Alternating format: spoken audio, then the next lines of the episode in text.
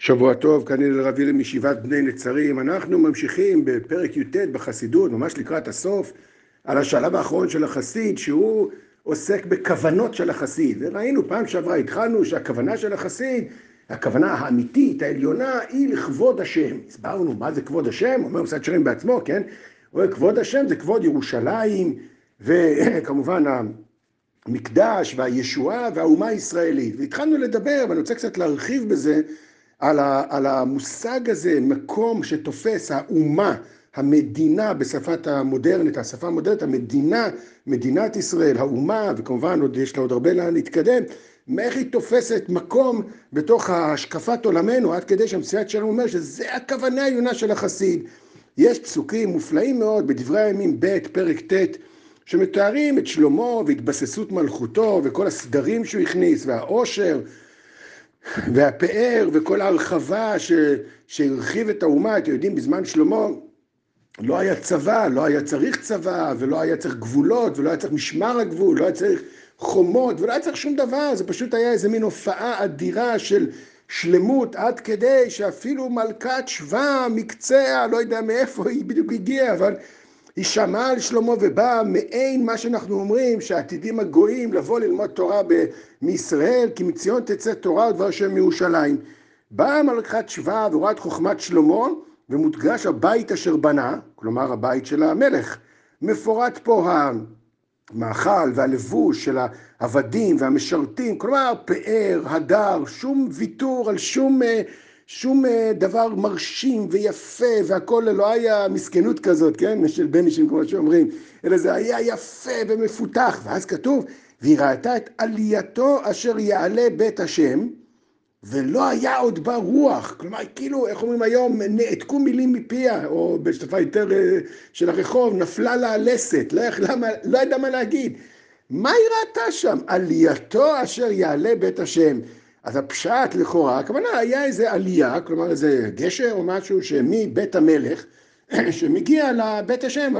מה כבר היא ראתה? מה, איזה יצירה הנדסית יוצאת דופן? אז מה, מה התורה מדברת איתנו על הדבר הזה? אלא כפשט הוא שבנוהג שבעולם, ב, בימינו אלה, ועוד התגבר הדבר הרבה הרבה אחרי מלחמת העולם הראשונה, וכל שכן אחרי מלחמת העולם השנייה, כמו שיש רבים וטובים ממני שיודעים להסביר את כל התהליך העולמי, אבל בטעימה קטנה העולם מתייאש או בז או פוחד או אפילו מנסה בכל דרך להימנע מלאומיות.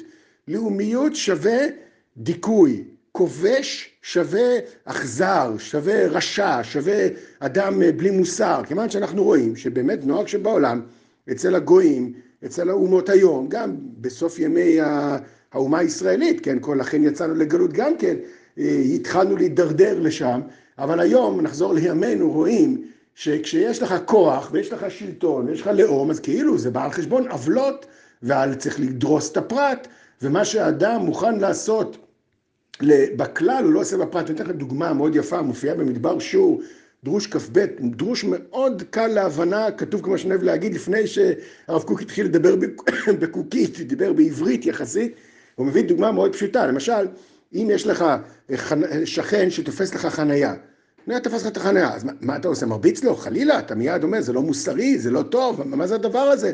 אתה מדבר איתו, אתה מבקש ממנו, נכון? אבל באומות, מה עושים כשמישהו תופס חניה? כלומר, נכנס לך, פולש לך למדינה, אתה משמיד לו את כל, ה, את כל המדינה, אתה מורס לו את הכל. כלומר, אצל האומות המוסר מוגבל לפרט. בכלל אין מוסר, ואז המושג מדינה והמושג אומה זה סותר את המוסר, רואה מלכת שבא אצל דוד המלך, איך המקום הכאילו הלאומיות, המלכות, שזה הבית של המלך, מפותח מאוד, יציב, משוכלל מאוד, לא מוותר על שום אה, גינוני מלכות, ומחובר לבית השם, עד כדי כך, זה היא לא ראתה, שהמלך יושב, רק מלך בית דוד יכול לשבת בעזרה, מקום שאף אחד אסור לו לשבת. כלומר, אצלנו, באידיאל, שנזכה בקרוב, באמן, באידיאל המלך יושב בתוך בית המקדש, זה דבר מופלא מאוד, זה לא, זה מה שהחסיד, הכוונה שלו לכבוד השם, פירוש הדבר להנהיג חיים של אומה, של ציבור, בצורה משוכללת, שלא נוגדת מוסר, ולא רק שלא נוגדת, אלא היא מרבה תורה בעולם, מרבה מוסר בעולם. כמו שרואים בימי מלכות שלמה, זה דבר מאוד רחוק, מאוד, מאוד נשגב, ש, שהחסיד שואף אליו. אז בזמן המסעד שערים כתוב, הוא שואף בתפילה. מה, מה יש לו? להתפלל בשמונה עשרה, להיות מצפה, שואף, רוצה.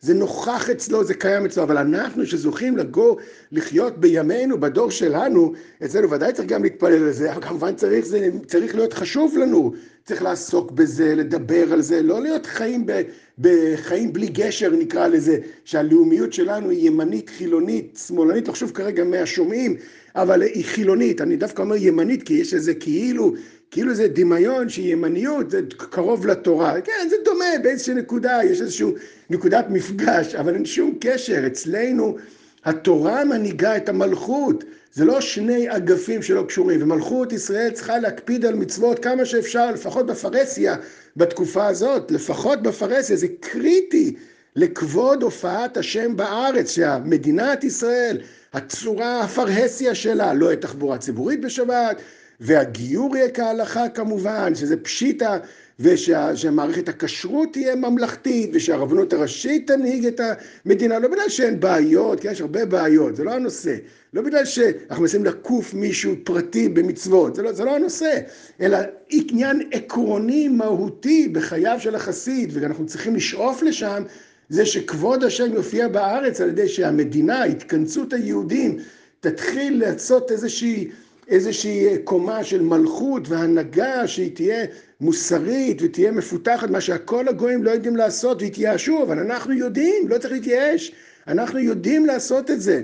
וזה מתחיל מהדברים הקטנים בדור הזה, שאנחנו, כמו אותו חסיד פה, שהכוונות שלו זה בשביל מלכות ישראל, כך אנחנו גם כן צריכים תמיד להכניס לתוך, אין לנו, אין לנו ברירה אלא, לא סתם נולדנו בדור הזה, אלא כדי להוסיף לתוך עבודת השם שלנו והמחשבות שלנו והדיבור שלנו, ההבנה שהיהדות שלנו היא לא רק הפרטים האישיים, מה כל אחד עושה מול אלוקיו, אלא אף, ואולי אף יותר, ואולי יותר מרכזי מהכל, זה הציבוריות הדתית של התכנסות היהודים תחת דגל ותחת מלכות ותחת המדינה היקרה שלנו פה בארץ ישראל. שיהיה לנו כל טוב ושבוע טוב.